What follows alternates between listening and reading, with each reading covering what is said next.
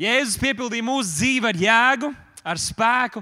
Un vai jūs esat kādreiz dziedājuši to pielūgšanas dziesmu, kur mēs dziedam šos vārdus, ko varu dot, darīt vai teikt? Un tad mēs atbildam savu dzīvi, kungs, es atdodu tev. Un atkal mēs dziedam, ko varu dot, darīt vai teikt. Un uz šo jautājumu es ticu, ka Dievs grib šodien reiz par visām reizēm atbildēt. Un tāpēc šo vārdu es nosaucu, ko es varu darīt lietas labā. Pasaki to skaļi, pavisam skaļi. Ko es varu darīt lietas labā?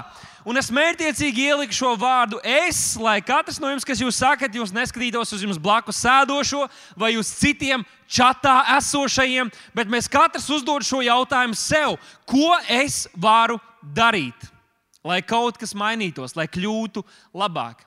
Jūs jau zināt, ka mēs visi esam līdzcietīgi cilvēki. Un kad mēs redzam netaisnību, kad mēs redzam, ka kaut kas notiek apkārt, kāda apstākļa situācijas, mūs pārņem dusmas. Bet ir ļoti daudz kas, ko mēs pilnībā nevaram ietekmēt, ja pat mēs ļoti, ļoti vēlētos. Bet mums visiem ir kādas sfēras, kādas lietas mūsu dzīvē, kuras mēs varam ietekmēt, kuras ir mūsu ietekmes zonā. Un tām, un par tām es šodien arī runāšu.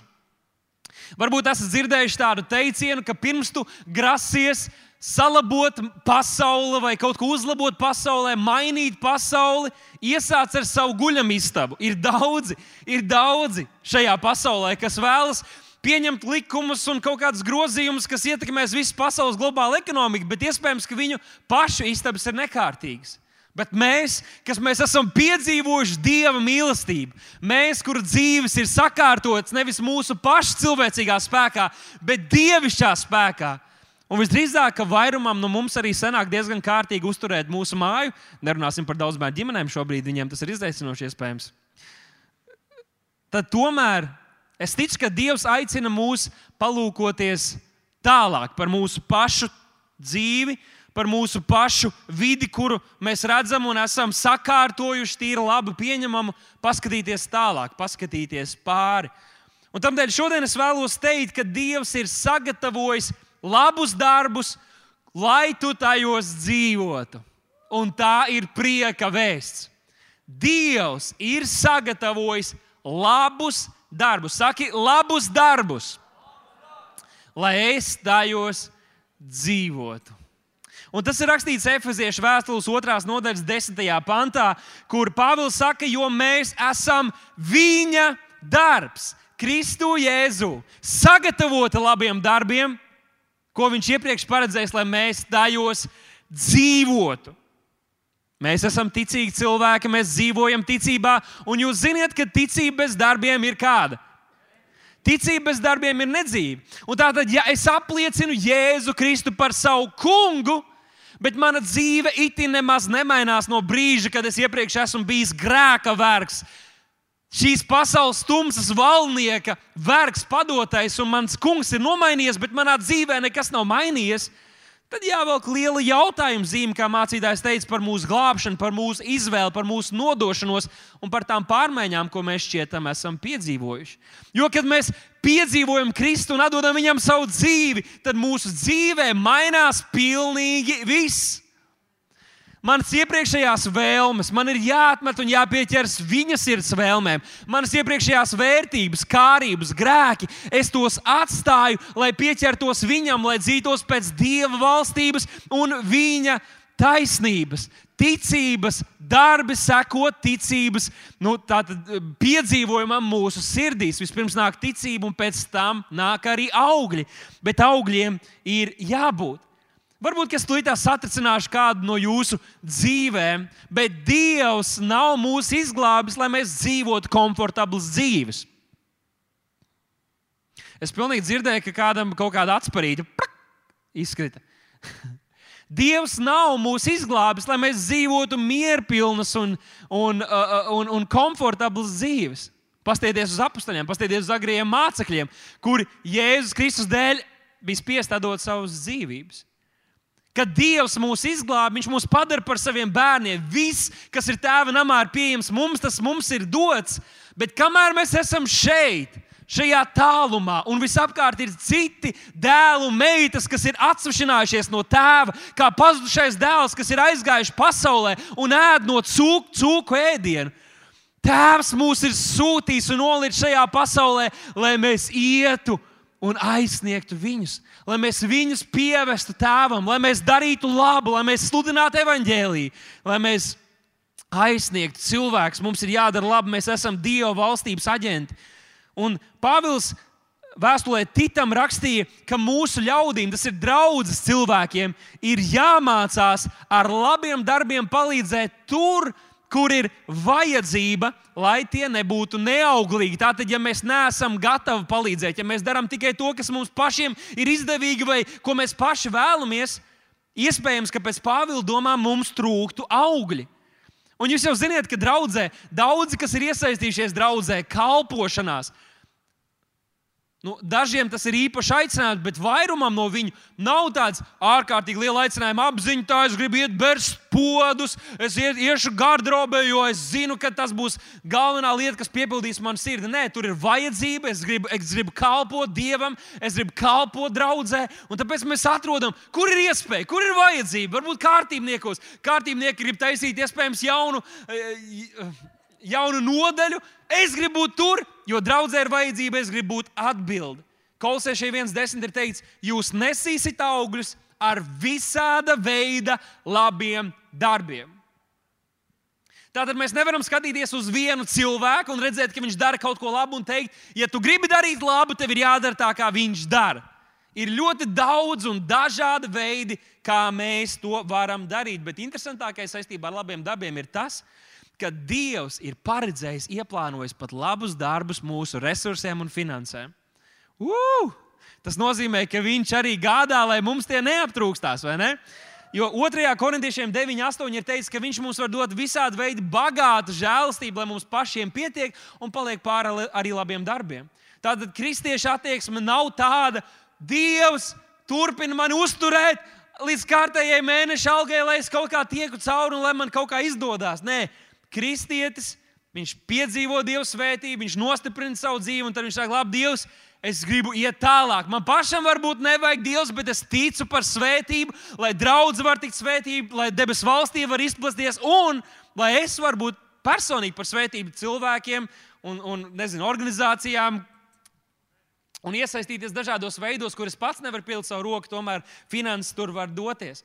Bet pirms mēs ejam tālāk, man ir jāpasaka vēl kāda lieta, ko es ieraudzīju šajā efeziešu vēstulē, otrajā nodaļā. Un tas ir, ka pirms mēs ķeramies pie labiem darbiem, tātad pirms mēs atbildam uz šo jautājumu, ko mēs varam darīt lietas labā, mums ir jāsaprot tas, ko mācītāji mums atkal un atkal cenšas, ja tā var teikt, ieborēt. Un tas ir, ka tu esi labs darbs. Mēs esam Dieva darbs. Dievs ir pats lielākais, labākais meistars. Ja tu zini kādus mūziķus, kas prot sarakstīt skaistu mūziku, ja tu zini kādus mākslinieks, kas var izveidot brīnišķīgus mākslas darbus, tad Dievs ir nesalīdzināms labāks par viņiem, un Viņš ir strādājis pie tevis. Un viss, kur Viņš pieliek savu roku, ir brīnišķīgs, ir skaists, ir labs, ir pilnīgs. Un tāds es arī tu.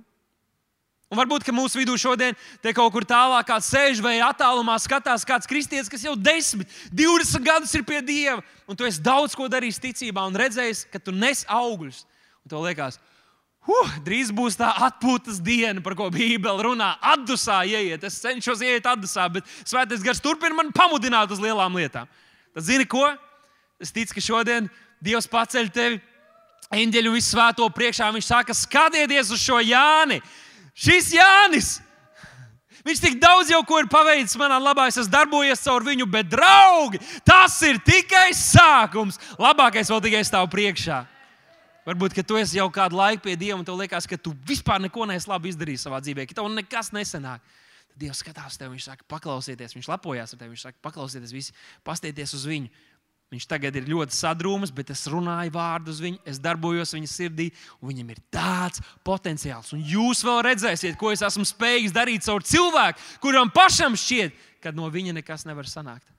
Ja tev liekas, ka tā nav, kas tikko to izdomāja, paliec kaut vai iepu grāmatu, pasties, kā, kā dievam ir attieksme. Viņš pilnīgi lepojas, viņš saka, pastieties šo iepu. Viņš ir tāds vīrs, viņš man tā godina un, un es par to negribēju runāt, bet uh, tas ir pilnīgi bibliski, ko es tagad saku. 2010. gada 3. maijā. Tas ir datums, ko es ik pa laikam pieminu.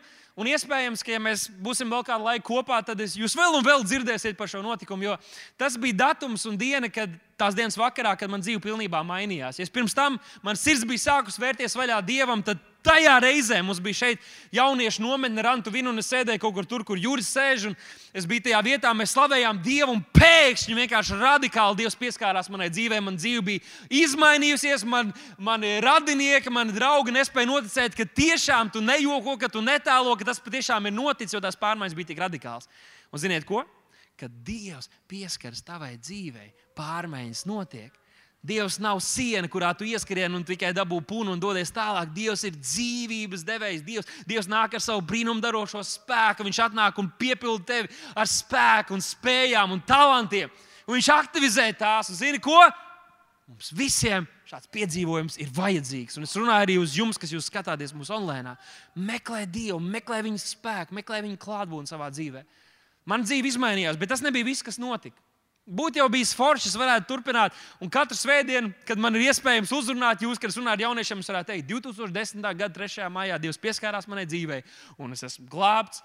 Viņš mīl mani, es mīlu viņu, es dzīvoju viņam, bet Dievs izdarīja vēl kaut ko. Kopš tās dienas manā sirdī sāk mosties sāpe par maniem līdzcilvēkiem, sāpe par maniem vienaudžiem, par to sabiedrību, kurā es biju bijis, pēc tiem cilvēkiem kuri dzenās, kuri dzīvoja tajās grēcīgajās, tukšajās, miesīgajās lietās, pēc kurām es iepriekš arī biju dzinies. Arī es izdzīvoju savu nelielu pazudušā dēla stāstu. Un šī sāpe bija manā sirdī, un es sapratu, ka man kaut kas ir jādara, es kaut ko varu darīt, lai aizsniegtu viņus. Šī sāpe un vēlme redzēt, kā Dieva vārds atbrīvo, redzēt, kā Dievs tiek pagodināts cilvēku dzīvēm, redzēt, kā jaunieši, kur dzīvo vienkārši izlaidīgi dzīvi, kaut kur triecoties pēc dzīves baudām, kā viņi piedzīvo jēgpilnu sastapšanos ar Dievu, viņa dzīve tiek piepildīta ar jēgu un spēku. Es gribēju to redzēt. Un es kaut ko sāku darīt. Es neko daudz nezināju un nepratu. Mēs sākām, bija tāda 1,16 kliķa, un ik pa laikam vēl tagad ir eh, atskaņas no tās, un varbūt vēl celsies nākamā kliķa paudze. Mēs sākām rakstīt dziesmas, jo mums patīk repa mūzika. Mēs sākām rakstīt dziesmas, kuras mēs gribējām, lai aizsniedz šo mūsu draugu, kristiešu pauģi šeit, Latvijā, bet arī aizsniedz tos cilvēkus, kuri, kuri netic Dievam, lai viņi dzird, lai viņi redz, Dievu tāds, kāds viņš ir un kādu mēs viņu bijām iepazinuši. Varbūt esat dzirdējuši par tādu dziesmu, es nekaunos, es nekaunos, es nekaunos, es nekaunos Kristus. Mēs rakstījām dziesmas. Es sāku filmēt video. 2010. gadā es izveidoju YouTube kanālu un sāku filmēt video, kurus centos pastāstīt cilvēkiem par to, kādēļ ir vērts eh, dzīvot teiksim, morāli atbildīgs un veselīgs dzīvesveids, gan lietot bibliskus, gan arī laicīgus un teiksim, racionālus uh, argumentus. Un es visu to darīju, lai censtos savienoties un aizsniegt izveidot tiltus ar cilvēkiem un ar šo kultūru un cilvēkiem, kas ir apkārt. Mēs veidojām jauniešu pasākumus, ieguldījāmies ja, jaunajos līderos, un tas viss notika, jo manī bija šī deksme kaut ko darīt lietas labā. Un tad pienāca brīdis, kad, kad uh, notika pārmaiņas draudzē, un Dievs uzrunāja mani un uzrunāja arī mūsu mācītājus un vadītāju sastāvu, ka tā deksme, kas bija manā sirdī, ka viņš to grib lietot. Man Atnāca tāda privilēģija, kas varēja pievienoties priekšvēju sapņu komandai, būt pilnu laiku arī darbinieks šeit un darboties arī tajā virzienā, ko Dievs jau bija iezīmējis manā sirdī.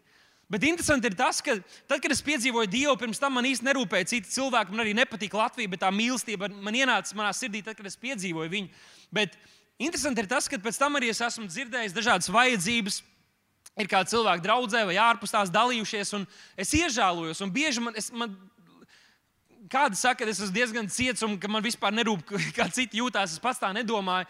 Bet reizēm es dzirdu lietas, un man uzreiz sirdī liekas, nu, labi, man, man ir kaut kas iekrāts, man ir kaut kāda resursa, kaut kādas iespējas. Es, es gribu iet un atrisināt tās problēmas, iet un palīdzēt. Un tad man ir bijuši gudri cilvēki manā dzīvē, to skaitā mācītāji, kas man ir atsēdinājuši un teikuši, nevienmēr, kad tu dzirdi vajadzību, un ka tev, ka tev ir žēl, ka tev ir jābūt atbildēji. Jo tev ir jāsaprot no Dieva, vai tā ir tā vieta, kur, kur Viņš tiešām grib tevi lietot un kur tu būsi visauglīgākais. Un tas man ir nācis par svētību. Un tomēr pāri visiem šiem tu dzirdi vajadzības un lietas, un tu daudz kur tev sāp, un tu redzi, un tev liekas, es gribētu tur, es gribētu tur. Es biju misijas braucienā Nikaragvā, tā ir Centrāla Amerika, un tu redzi tādu nabadzību un tādu postu. Liekas, labi, kāda jēga man Latvijā braukt ar mašīnas, pārdošu visu to un iedošu viņiem, lai kādas desmit ģimenes var tagad atlikušo dzīves mūžu dzīvot ļoti labi. Un tomēr visam tam cauri ir viena lieta, kas turpina sāpēt manā sirdī, kas turpina degt, un es gribu redzēt vēl aizvien, vēl stiprāk, vēl vairāk. Tas, ko Dievs ielika un aizdedzināja manā sirdī, vēl aizvien šīs sāpes ir manā sirdī, vēl aizvien šī deksme ir. Un tāpēc to man nevar laupīt. Un tāpēc vēl aizvien es veidoju tiltus, vēl aizvien es cenšos rakstīt, un runāt, un aizsniegt un, un, un, un darīt šīs lietas. Un ko es cenšos pateikt? Ja tev rūp, ja tev tiešām rūp, dari kaut ko. Bet, ja tu neko nedari, visdrīzāk, ka tev nerūp. Un tad paskaties patiesībai acīs. Ja tu visu laiku esi sašutumā par kaut ko, varbūt tas tevi emocionāli aizskar, tu nekad negrasies un nekad nespēr kādus soļus, lai kaut ko darītu lietas labā. Visdrīzāk, ka tu vienkārši dzīvo miesā. Un tas ir diezgan nepareizi. Es neesmu labākais piemērs šajā ziņā, bet es cenšos dzīvot saskaņā ar, ar to aicinājumu, ko Dievs ielicis manā sirdī. Nu, kā piemēram, es varētu pateikt, Jūs varat iedomāties, kad ir kādreiz, kad avārijas uz ielām ir un cilvēki, kas brauc garām savos, savās automašīnās, ir kādi, kas mazliet piebremzē, lai uzņemtu video vai uztaisītu bildi, un tad parādās Delfos kaut kāds reportāžs, ir kādi, kas uztaisīja selfijas, varbūt vai Instagramā ieliek kādu storiju, uzmanīgi brauciet, redziet, cik daudz avārijas ir ceļiem. Bet ir kādi, kas redzot šādu avārijas gadījumu, redzot, ka cilvēkiem ir visdrīzāk vajadzīga palīdzība, kas apstājas kas varbūt aizsūta kādiem iepriekš ieplānotām tikšanās, aizsūta ziņu, es biju mazliet vēlāk, apstājas un, un paskatās. Ja pat viņš nezina tieši kā, ko darīt, kam palīdzēt, vismaz pazina ātrai palīdzībai, vismaz pastāst, vai tur viss ir kārtībā, vai ir kaut kas, ko tu vari darīt. Jūs zināt, ir cilvēki, kas. Un mums visiem tā noteikti ir gadījies. Mēs satiekam kādu paziņu, un tad vienkārši, lai mēs visi labāk justos, tiekoties un atvadoties, ir tā frāze? Ha, nu, mums vajadzētu vēl kādreiz satikties, varbūt aiziesim Kaut kur kafejnīcā pasēdēsim, lai gan tagad to nedrīkst. Uh, pasēdēsim kafejnīcā, atkal atjaunosim saikni. Bet paiet mēnesis, divi, trīs, desmit gadi, divdesmit gadi, un tad atkal jūs satiekaties, ah, tas taču vajadzēja. Acīm redzot, nevienai no pusēm īstenībā nav bijusi tā interese to, to saikni tā uzturēt. Un tad, tad atkal sanāk, ja tu it kā to izsaki, bet tu īstenībā to negribi. Tad, Uh, tas parādīsies tavos darbos. Un jūs jau zināt, piemēram, par žēlsirdīgo samarieti. Bija vairāk arī ļoti svarīgi, nozīmīgi cilvēki, prominenti kalpotāji, kas pagāja garām šim sadauzītiem, salauztiem cilvēkam. Bija žēlsirdīgais samarietis, kurš sabiedrības acīs nebija nekas nozīmīgs, nekas tāds, ka no viņa mēs kaut ko tādu uh, nu, graznu, cēlu negaidītu. Bet viņam sirds iežēlojās. Žēlsirdīgais samarietis mums parādīja to, ko Jēzus ir izdarījis mūsu labā, jo mēs bijām tie, kas bijām ievainoti un salauzti. Pirms kāda laika man uh, bija privilēģija un iespēja būt kādās bērēs, kur kāds no vīriem, kurš uh, no savas jaunības bija piedzīvojis Dievu šeit mūsu dzīvē un bija kalpojis, uh, uh, viņš bija devies mūžībā, un tad bija iespēja arī atvadīties no viņa, uh, viņa tuviniekiem. Un atrodoties šajās bērēs, jūs jau redzat bildi no tās, jūs redzat, tas ir mūsu mācītājs. Un starp, starp citu, man ir jāpasaka, ka uh, daži no spēcīgākiem sprediķiem, kāds mūsu mācītājiem ir, viņi netiek nofilmēti un netiek ierakstīti. Tev vienkārši tur ir jābūt un jāpiedzīvo. Uh, Un šī bija viena no tādām reizēm, kad tiešām es tik ļoti uzrunāts, un es pat ieliku vienu citātu Instagramā no tā, un, un, un, un, un tas, kas tur tika pasunāts, bija ļoti spēcīgi. Bet pašā beigās, kad jau viss šī te, nu, procesija bija noslēgusies, tad kā, nevis kāzu viesiem, bet bērnu viesiem, kāds bija, jo viņš sastapās ar Kristu, bet bērnu viesi, viņiem bija iespēja arī pateikt kādus vārdus par, par aizgājušo. Un Tur vairums no tiem uh, viesiem bija arī uh, mūsu draugs pārstāvji. Tad bija interesanti, ka kāda ģimene teica, jā, pirms kāda laika Dievs ielika mūsu sirdī uh, palīdzēt šim vīram ar, ar fizioterapijas nodarbībām. Un, Un tad mēs to darījām, un tad vīrs teica, es nekad agrāk neko tādu nebiju darījis, bet iesaistījos un palīdzēju. Un tad bija kāds, kāda cita ģimene, kas teica, jā, mums bija tāda privilēģija gan pazīt viņu, bet arī mēs varējām iedot savu mašīnu, lai kāds cilvēks var aizvest viņu no mājas uz, uz to vietu, kur šīs nodarbības notika. Un tad kāds cits atkal bija diezgan regulāri gājis un, un aprūpējis šo cilvēku un uzturējis attiecības un palīdzējis viņam uh, turpināt komunikāciju. Uh, Un tas, tas likās ļoti, ļoti iespaidīgi tajā brīdī, to dzirdot. Tad, braucot mājās, es runāju ar mācītāju, un viņš te, izteica tādu frāzi. Viņš teica, uh, dēls, tas bija lielisks attēls tam, kā draudzes miesa, jeb Kristus miesa funkcionē. Jo neviens no šiem cilvēkiem, kas bija atnākuši, nevarēja viens pats izdarīt to darbu, un parūpēties un palīdzēt visu, kas bija nepieciešams. Bet tāpēc, ka Dievs ielika vienam sirdī, otram sirdī, trešajam sirdī, un viņi visi savienojās, tad ļoti liels brīnums un kalpošana tika veikta. Viņi arī teica, ka viņi to darīja kā Kristum un paši bija ļoti caur to svētīti. Liekas, tas ir tik brīnišķīgi, un tas ir tas, kur Dievs mūs jau ir vedis, un mēs tajā dzīvojam, bet Dievs ir mūs tālāk vest tajā, ka mēs katrs redzam savu lomu gan draudzē, draudzes kalpošanā, bet arī sabiedrībā. Ir daudzas lietas, vajadzības, problēmas, kādas patiešām pastāv. Mēs to nevaram noliegt. Un neviens no mums varbūt nevar pilnībā atrisināt kādu no tām, bet mēs katrs varam ieraudzīt vienu atvērtu durvi, kur mēs varam ieiet un iesaistīties un kalpot un palīdzēt. Un jūs jau esat droši vien dzirdējuši par tādu vīru kā Mozus. Es nezinu, vai Latvijā kādam vīram ir tāds vārds, bet uh, kristīgajā sabiedrībā viņš ir diezgan pazīstams. Jā, vecajā derībā Dievs viņu lietoja, lai iepazīstinātu ar, ar nu, teiksim, tādu savu morālo likumu, ar savu morālajiem standartiem, kurus devē par desmit baušļiem, un vēl daudzos veidos Dievs viņu lietoja, arī izvedot Izraelu no Eģiptes tautas. Uh, bet kas tur notika? Mozus bija ebrejs, kuram tā nu paveicās, ka viņš varēja uzaugt faraona pilī. Tātad ļoti lielā labklājībā. Visas viņa vēlmes tika apmierināts. Viņam bija kalpi, kas droši vien viņam bija karsts. Viņš nevarēja ieslēgt kondicionieru, bet bija kalpi, kas uzreiz tur sāka uh, plīvot kaut kādas, uh, nu, veidināt viņu. Ēdienas, sporta aktivitātes, izklāja, tas viss viņam netrūka. Bet tad otrā mūža grāmatas, otrajā nodaļā, 11. pantā, mēs lasām, kad Mozus bija pieaudzis. Tātad bērns to nevar darīt. Tātad bērns to nevar darīt, bērns to nevar saprast, bērns nevar neko uzņemties. Bet tad, kad tu esi pieaudzis, ka tev jau ir briedums, tad tas reiz izgāja pie saviem tautas brāļiem un noskatījās viņu smagajos darbos. Un viņš redzēja eģiptieti sitam kādu ebreju, vienu no viņa brāļiem.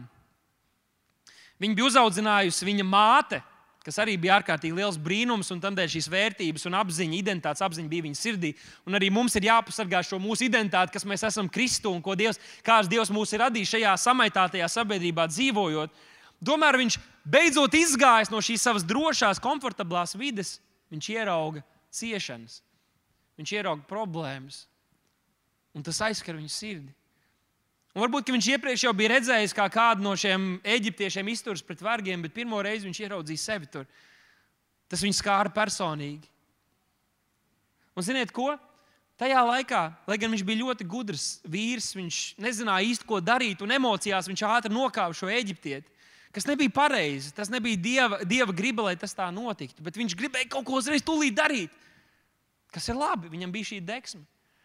Un tad tūlīt pēc tam viņš bija nokāpis Eģiptē, viņš saprot, ka viņam draud briesmas, un viņš bēg prom uz tūkstnesi.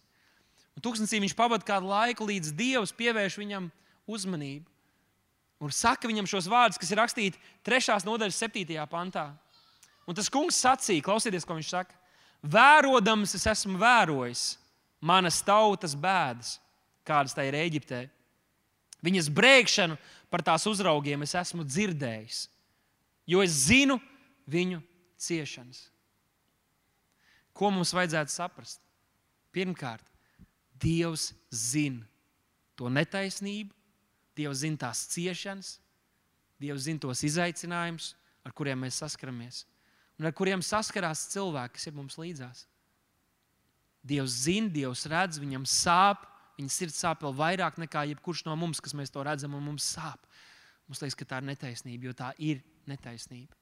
Bet ko mēs vēl redzam šeit? Un mazliet vēlāk, lasot, jūs to ieraudzīt arī paši. Dievs saka, tas, ko tu redzi, es arī to redzu. Tas, kas tev sāp, kā dievbijam cilvēkam, arī man sāp. Un tad viņš saka, bet mūzu, es gribu lietot tevi, lai atnestu pārmaiņas. Ja tev sāp sirds, kas ir taisnīga neapmierinātība, svētās dusmas par kādu netaisnību. Dievs saka, es gribu lietot tevi. Es gribu lietot tevi arī šajā laikā. Mēs jau esam drusku pieraduši pie šīs jaunās ēkas, jeb piebūves, patiesībā jaunā ēka, kas ir mums tepat blakus. Tie, kas esat pavisam nesen ienākuši draudzē, jums droši vien šķiet, ka tas vienmēr tā ir bijis. Gan jau, nu, kas tur mums ir ēka, nu, tā viss ir. Bet uh, vēl pirms kādiem gadiem tas bija kaut kas neticams. Uh, reti kurš vispār sapņoja par kaut ko tādu, ka, ka tādas pārmaiņas, tas, kas mums tur blakus atradās, varētu piedzīvot. Un tomēr Dievs sūtīja savu vārdu. Un mūsu mācītāji bija drosmīgi. Viņi saņēma vārdu, viņi sekoja Dievam, viņi rīkojās, un mēs kā draugi mēs pievienojāmies. Mēs teicām, nē, nē, nē mācītāji, jums nebūs jātic vienam. Mēs gribam redzēt, kā Dievs darbojas caur katru no mums. Un mēs to izdarījām. Dievs to izdarīja caur mums. Dievam viss gods. Un šī, šī, šī ēka un šis ir, ir, ir liecība. Tā ir liecība apkārtējai sabiedrībai, Latvijai, rīzniekiem, kad viņi iet garām. Un drīzumā mūs gaida varbūt kāda pārsteiguma, ka šis, šī ēka vēl vairāk kalpos un sludinās evaņģēlī. Bet cilvēki nāk un viņi redz, wow, Dievs ir spējīgs izdarīt kaut ko tādu. Cilvēki nāk un redz un saka, wow, Dievs ir tāds izcilības Dievs. Jūs netiekaties šūnī, jūs tiekaties šādā brīnišķīgā ēkā. Ir tik daudz, kas, daudz kas, ko tā ēka runā arī šodien. Bet viena no lietām, ko jau pašā sākumā mēs saņēmām, un tas bija caur mācītājiem, caur normu un caur citiem līderiem, kas bija iesaistījušies, ka šī ēka būs kā vīzija, kā redzējums tam, kur mūsu draugs virzas tālāk. Ir bijis labi, 30 gadi, fenomenāli. Paskaties apkārt, dažādas draudzes visā Latvijā, eh, pilsētas, mūsu pašu pilsētā, dažādas sfēras. Uh, sociālā darba kaut kādas jomas, kur mēs visur esam atstājuši pēdas, esam spīdējuši, esam evanģelizējuši, esam kalpojuši, mēs esam draugi, mēs esam slaveni šajā Latvijā ar augļiem. Mēs esam auglīgi draugi, amen. Tas ir brīnišķīgi.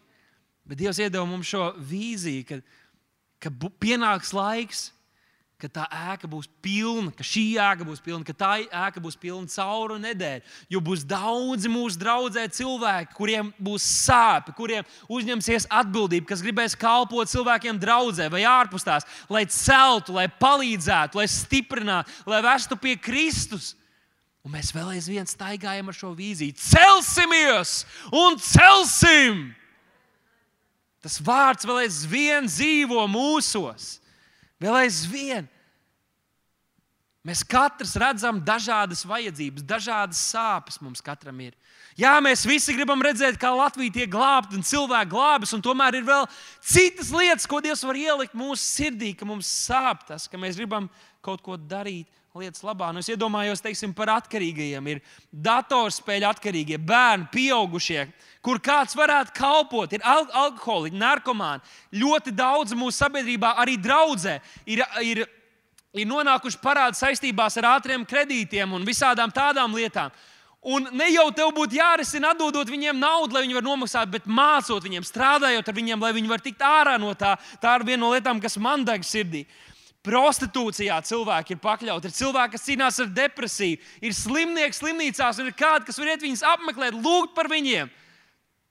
Ir šķirtas ģimenes, kur vajadzīga palīdzība, ir bērni bez vecākiem, kuriem vajag kalpot. Ir Ir pusauģi, kuriem nav tēva, kuriem vajadzīgi dievbijīgi vīru, eh, vīru piemēru un cilvēki, kas iesaistās viņu dzīvēm.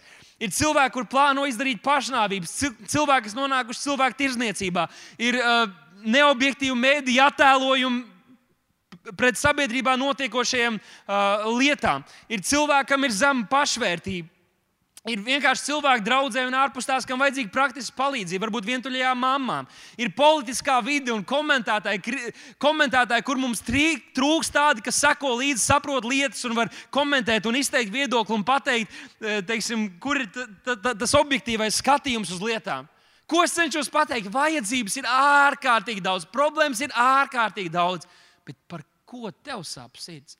Kas ir tas, kas aizskar tevi? 17. martā tas bija kārtējās trešdienas lūkšanas, kad mēs sanācām kopā, mēs lūdzām, un notika kaut kas fenomenāls. Lūkšanas beigās mācītāji sajūta pamudinājumu uz to, ka Dievs grib aktivizēt un, un stiprināt šo personīgo aicinājumu cilvēkiem, eh, kur Dievs dod sāpes par kādiem notikumiem sabiedrībā. Un viņi aicināja priekšā, lai nāk un nāc jauni un veci, un sievietes, un vīrieši, un bērni un pusauģi. Un viņi teica, Jā, man sāp bērni, kuriem nav vecāki, un kāda teica par jauniem skolotājiem, kuriem trūkst resursi un dažādas vajadzības šeit, un mācītājai bija svētākais svaidījums par viņu. Teica, tas ir Dievs, dari kaut ko, rīkojies, tu tiec aktivizēts, dari kaut ko. Tas ir no Dieva ielikts tevī. Un es tur sēdēju to, un es vienkārši uz, uzsūcu to. Man liekas, tas ir tik spēcīgs svaidījums. Un tad mācītājs man piedāvāja, kas varētu šajā svētdienā sludināt, un es tūlīt teicu, zinu, par ko man ir jāsludina. Mums ir jāturpina tas, ko Dievs iesāka tajā trešdienā. Tam ir jātiek atraisītam pār visu draugu. Un mēs esam šodien šeit tam dēļ. Ko tu vari darīt lietas labā? Jūs esat dzirdējuši, ka Bībelē runāts par par kalpošanas dāvanām, un ir kādi, kas ienāk draudzē, vai kādu laiku ir draudzē. Viņi saka, es esmu evanģēlists, esmu skolotājs, esmu mācītājs, esmu pravietis. Dodiet man liels sapulcs, dodiet man Awakening Europe, uh, Baltijas kaut kādu mērogu sapulcs draudzē, dodiet man sludināt. Tas ir mans aicinājums, un tad jūs redzēsiet, un tad jūs baudīsiet, kā dāvana man Dievs ir devis. Bet vai tas ir tas bibliskais veids, vai tas ir tas veids, kā Dievs grib darboties un celt? Man patīk, kāds, kāds uh, Dieva vīrs reiz teica, nu, Ja tu esi evanģēlists, kāpēc evanģēlists laužas sludināt draudzē uz glābtiem cilvēkiem? Dodies uz parkiem, dodies uz skolām, dodies uz visām vietām, kur neglābj cilvēki un sludini viņiem evaņģēlīju. Atrod kāds līdzcilvēks, kam tas deg sirdī, un sludini evaņģēlīju, un Dievs tevi cels. Ja tu esi skolotājs un tev ir šī skolotāja dāvana mācīt Dievu vārdu, Neraujies obligāti uz lielām platformām, atrod divus, trīs cilvēkus, varbūt divas, trīs kundzītes, kuras ir atnākušas pie Kristus, un viņas neko daudz nesaprot. Un struktūrizēti māca, strādā pie savas dāvanas, ieguldies šo cilvēku dzīvēs un ļauj, lai Dievs lieto šo tavu dāvanu. Ja tu esi mācītājs, iesaisties mazajā grupā, ja tev ir sajūta, ka šis aicinājums ir tavs, iesaisties mazajā grupā, palīdz mazās grupas vadītājiem. Saka, rekus redz tur to brāli, to māsu, viņai tur ir grūts laiks. Es gribētu uzņemties tādu kā palīdzību viņai zvanīt un palīdzēt viņai tikt ārā no šīm problēmām. Ja tu jūti, ka tev sāp, ka tev rūp, tiec aktivizēts šodien, svētais gars šodien aktivizē tevi, rīkojies. Mums nav jāgaida, kad mums būs liela resursa, ka mums tagad būs liels platformas. Dari to, ko tu vari tagad. Dari to tagad. Ja tu redzi vajadzību, parūpējies par to, ja tas sāp tavā sirdī, Mūsu sabiedrībā un daudzās citās ir kaut kāds tāds uh, dīvains priekšstats, un, un, un liela daļa sabiedrības, vismaz manuprāt, ir tā, ka dusmojās uz bagātiem cilvēkiem, uz uzņēmējiem. Tie tur ir zāģi un tā tālāk, bet pēc būtības uzņēmēji ir cilvēki, kur redz vajadzību, un tad viņi parūpēs par to vajadzību. Un tam dēļ, ka viņi var ar lielu pievienoto vērtību to vajadzību apmierināt, jo nav daudzi, kas to var izdarīt, vai viņi ir, var parūpēties par daudzu cilvēku vajadzībām. Tāpēc viņi arī kļūst bagāti. Viss slēpjas tajā, ka mēs parūpējamies par vajadzībām. Nu, ja tu pārdod drēbes, ja būs daudz cilvēku, kuri būs pliki, viņiem vajadzēs drēbes, tev būs biznesa. Atrod vajadzības un atrod veidu, kā parūpēties par to. Un, ja tu vēl ar to vari nopelnīt, tu esi uzņēmējs.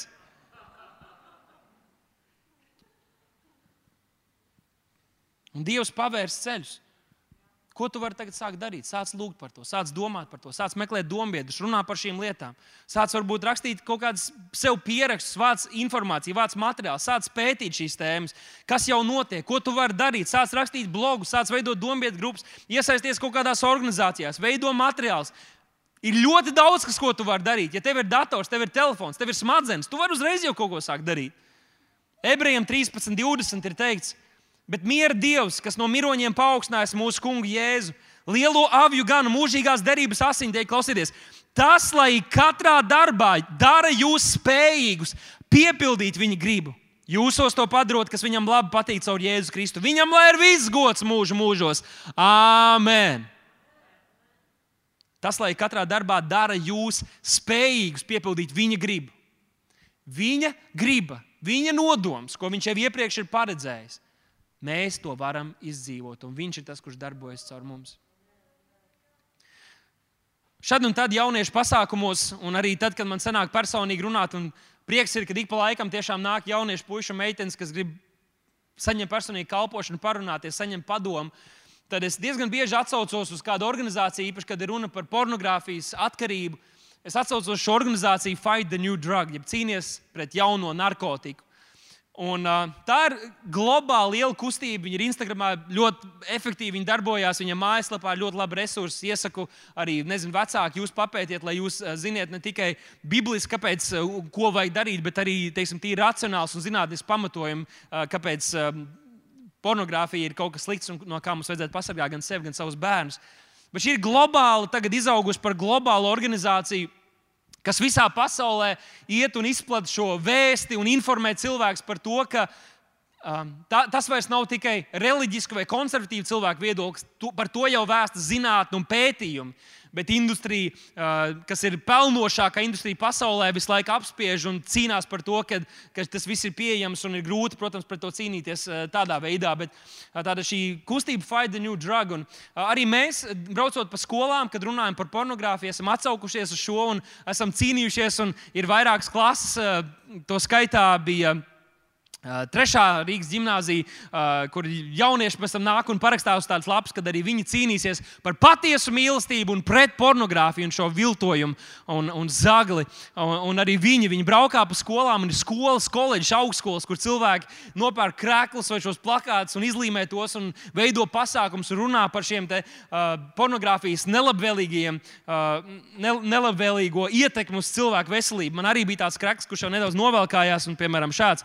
Porn kills love, fight for love. Tāda pornogrāfija nogalina mīlestību, cīnīties par mīlestību. Un šeit dažādas uzlīmes, eh, mīlestība ir seksīga un viss kaut kas tāds. Porno nē, nekādā gadījumā.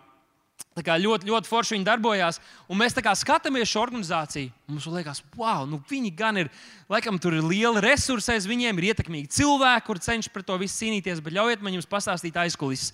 Un tad, kad man bija privilēģija būt uh, būt Amerikā uz tādu ģimeņu fórumu, tad, tad tur arī es pirmo reizi iepazinos ar šo organizāciju. Un kā tas viss sākās? Tie bija četri puiši, kuri uh, kopīgi mācījās vidusskolā. Un kādu dienu viņi uh, sarunājās, un, un tā saruna aizgāja līdz tam, ka viņi nodomāja, nu, ko mēs varētu kopīgi darīt, lai kaut kādā veidā pozitīvi ietekmētu pasauli mums apkārt. Un viņi runāja par to, runāja par to, un nonāca līdz tādam kā secinājumam, uh, ka viņus visus ir skārus tieši šī lieta, pornogrāfija. Un viņi saprata, labi, mēs varētu kaut ko darīt tajā virzienā. Un tajā laikā vēl nebija īsti tādas globālas kustības pasaulē, vai arī Amerikā. Un viņi sāka to darīt, viņi sāka pētīt, viņi atklāja, jā, ka tas nav tikai reliģisku cilvēku vai tikai konservatīvu cilvēku viedoklis, kad ir ļoti daudz pētījumu, nopietni pētījumi, kas jau apliecina un, un liecina tieši par šo negatīvu ietekmi, kāds pornogrāfija ir uz katru no mums individuāli, gan uz attiecībām, uz sabiedrību, uz visu pasauli, uz cilvēku tirzniecību. Tas viss ir saistīts. Un viņi sāka kaut ko darīt. Un, kad viņi sāka to, kaut ko darīt, četri puiši, kas bija vidusskolāni, Viņi uzņēmās atbildību par šo lietu. Viņi sāka savā skolā, savā draudzēs, lokālajās, un lēnām, lēnām šī organizācija auga, auga, auga līdz tagad mēs uz viņiem skatāmies. Tā ir viena no tādām organizācijām, uz kuru es uh, sūtu cilvēkus, ej, izpētīt, tur ļoti daudz labu materiālu viņa mājaslapā. Ko es cenšos pateikt? Lielas lietas bieži sākas pavisam ar, mazām, ar, ar, ar, ar maziem solīšiem. Ja mēs atgriežamies pie uzņēmēja tēmas, daudz no tādiem lieli, lieliem uzņēmumiem, uzņēmēja darbībām, kādas pasaulē un arī Latvijā ir notikušas, ir sākušās tieši no cilvēkiem, kuriem pašiem nekā daudz nebija, bet viņi redzēja vajadzību, viņi bija gatavi strādāt un darboties, lai kaut ko mainītu, lai kaut ko uzlabotu. Un šie četri puiši, un šis viens ir tas galvenais vadītājs, man liekas, ka viņi ļoti labi mums liecina un runā par to. Labi, varbūt tavs mērķis nav kā, tas kļūst par tavu dzīves ceļu Bet tas tā arī varētu būt. Latvijā ir vajadzīga šādas organizācijas, Latvijā ir vajadzīgi cilvēki, kas tik aktīvi iesaistās. Bet varbūt tas pat nav tavs ceļš. Varbūt tu vienkārši redzi, ka kaimiņam ir vajadzīga, varbūt tu vienkārši redzi, ka uh, kaut kur pa ceļam ir kaut kādas lietas, kur, kur kaut kas ir jāmaina, kur kaut kas ir jāsakārto. Tad rīkojies, tad esi aktivizēts, tad esi aktīvs šajā ziņā. Nu, ko es cenšos pateikt? Dievs tev aicina rīkoties, nevis prokrastinēt. Dievs tev aicina rīkoties. Dievs tev aicina rīkoties. Ko tas nozīmē? Ir labi, ka mēs esam glābti. Ir labi, ka mums pašiem viss ir labi. Bet līdzīgi kā Mozus un vēl daudz citus varoņus, Nēmija, jaunās darbības varoņus, mēs varētu uzskaitīt, kur Dievs ir savienojies ar šo sāpju, kas ir cilvēka sirdī un ir darījis lietas, lai mainītu apstākļus un notikumus. Mēs neesam aicināti dzīvot pasīvas dzīves. Un domājot par šo tēmu, es uh, nonācu līdz tādām pārdomām par to, kāpēc ir tik daudzi kristieši, uh, kuri ir piedzīvojuši Dievu, viņi ir iesaistījušies draudzēs, bet viņiem tik un tā ir lielas cīņas ar savu agrāko dzīvi, ar kādiem grēkiem, ar miesas ieradumiem, kuri, lai kā viņi kā gribētu tos pārtraukt, viņi tomēr turpina tos darīt. Un arī jebkuram, jebkuram no mums tas tā var būt, ka ja mēs pārstājam aktīvi dzīvot, uzbrukošas, izaicinošas, dieva spēka piepildītas dzīves, ka arī mēs varam sev atrast tajā vietā, kad mēs nonākam atkal savos grēkos un izaicinājumos. Un es sapratu, ka vismaz daļa no patiesības ir tā, ka, ka tā enerģija, ko iepriekš ienaidnieks ir mūs vadījis, ka mēs nododamies visiem, visām šīm grēka lietām, nu, kaut kādām mīsīgām lietām, iegribām, arī vēlmēm, pat arī labām hobijiem, kur mēs varam vienkārši visu brīvo laiku tur nodot un atdot. Atnākot pie Dieva, ir kādi, kas nu, tā uztver, nu, es esmu glābts, man viss ir labi, mācītājs ik pa laikam kaut ko pasakā par evanģelizāciju, un man jau arī kā rūpīgi cilvēki, lai viņi neaiziet uz zēlu un gribētos vismaz, lai tuvākie draugi ir debesīs kopā ar mani. Bet nu, nav tāds baigais spiediens. Es tā labi, komfortabli dzīvoju, turpinu, katru svētdienu nāku. Bet tā enerģija jau mums vēl aizvien ir. Tā enerģija vēl aizvien ir. Un, ja tā enerģija netiek likta lietā pozitīvā virzienā, pozitīvās lietās, aicinājumā, mērķos, ko Dievs mums dod, tad agrāk vai vēlāk tā upe atradīs to veco gultni, pa kuru atkal doties atpakaļ. Un tādiem cilvēkiem, kas ir aktīvi, un tāpēc jau mēs draugi esam, kas mēs augam, mēs jūtam slāpes un degsim šajā draudzē. Mēs esam tādi, ka mēs aktīvi dzīvojot, mums nav jautājumu, nu, kāpēc vajag iet uz draugu, kāpēc vajag lūgšanas, kāpēc vajag gavēni, kāpēc trešdienās ir lūgšanas, kāpēc mums online ir pieejama materiāli, kur mēs tiekam stiprināti un iedrošināti un, un uh, tiek atbildēts uz kādiem jautājumiem. Mums nerodās tādi jautājumi, jo mēs tik daudz atdodam, mēs tik aktīvi dzīvojam, mēs tik ļoti lūdzam un gribam redzēt, kā Dievs lieto mūsu mūs, ka mums vajag uzpildīties, ka mums vajag, lai kāds arī mums kalpo, jo mēs kalpojam citiem. Jēzus atnāca un viņš teica, es neatnācu šeit, lai jūs mani apkalpojat, lai jūs man kalpojat. Viņš rādīja piemēru, viņš mazgāja saviem mācekļiem kājas, viņš deva tiem ēdienu, viņš rūpējās par vajadzībām, bija nodokļi. Viņš teica, aizej, nomaksā zīvi, nomaksā, nomaksā nodokļus un daļu varam paturēt. Jēzus rūpējās. Jēzus kalpoja, un tas ir tas, ko, ko mēs kā draugi darām. Mēs esam tie, kas mēs esam atsaukušies Dievam, un, un Viņa sāp ir mūsu sirdīs. Dievs aicina mūs rīkoties, nebūt pasīviem, nenodoties, nedzīvot miesā, jo kad mēs dzīvojam miesā, kad mēs vienkārši dzīvojam, lai izdzīvotu, lai aizvilktos līdz debesīm, tad mēs visu laiku cīnīsimies ar savu miesu un grēku bet kad mēs dzīvojam garā, kad mēs dzīvojam ar viņa sapņiem, viņa mērķiem, ar viņa sāpēm, tad mēs dzīvosim uzvarā. Un noslēdzot, es gribētu jums parādīt kādu raksturvietu, kas man uzrunāja šī sprediķa kontekstā ļoti spēcīga.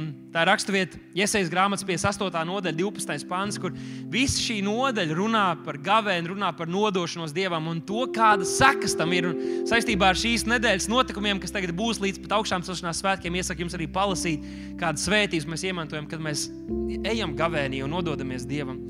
Bet tur rakstīts pravietiski, par vecās derības varoņiem, dievbijīgiem vīriem, bet arī šodien mums, kas mēs Kristu Jēzu dzīvojam šajā pasaulē.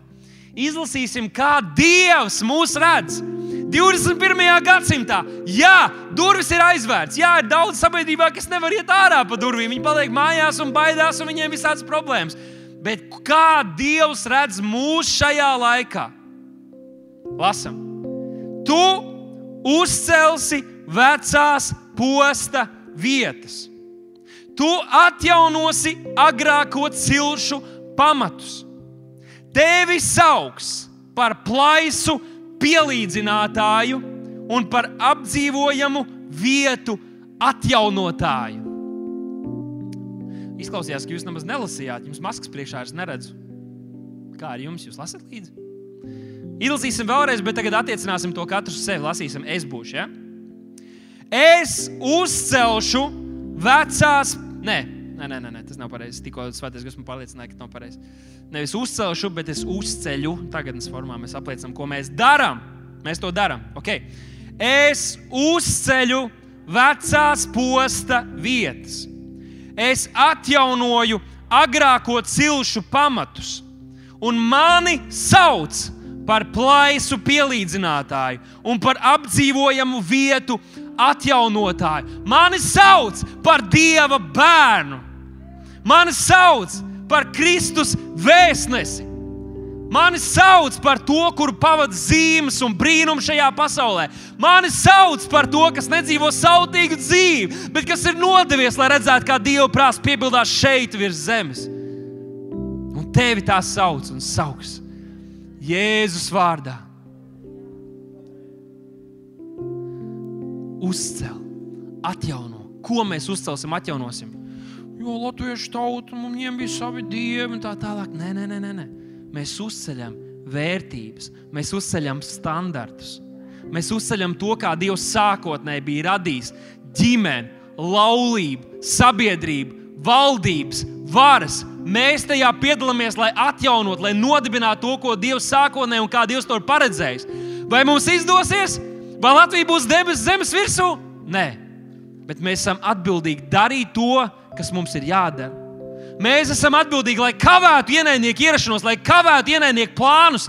Ja ne visā pasaulē, tad Latvijā. Nē, nē, nē, nē. Latvija ir mūsu zeme. Šeit ir draudzene, prieka vēsts. Te ir citas draudzes, un mēs neļaujam nekādiem covidiem, nekādiem vienaidnieku plāniem, nekādiem demoniskiem spēkiem noteikt mūsu zemes dienas kārtību. Mēs ceļamies un mēs celsim.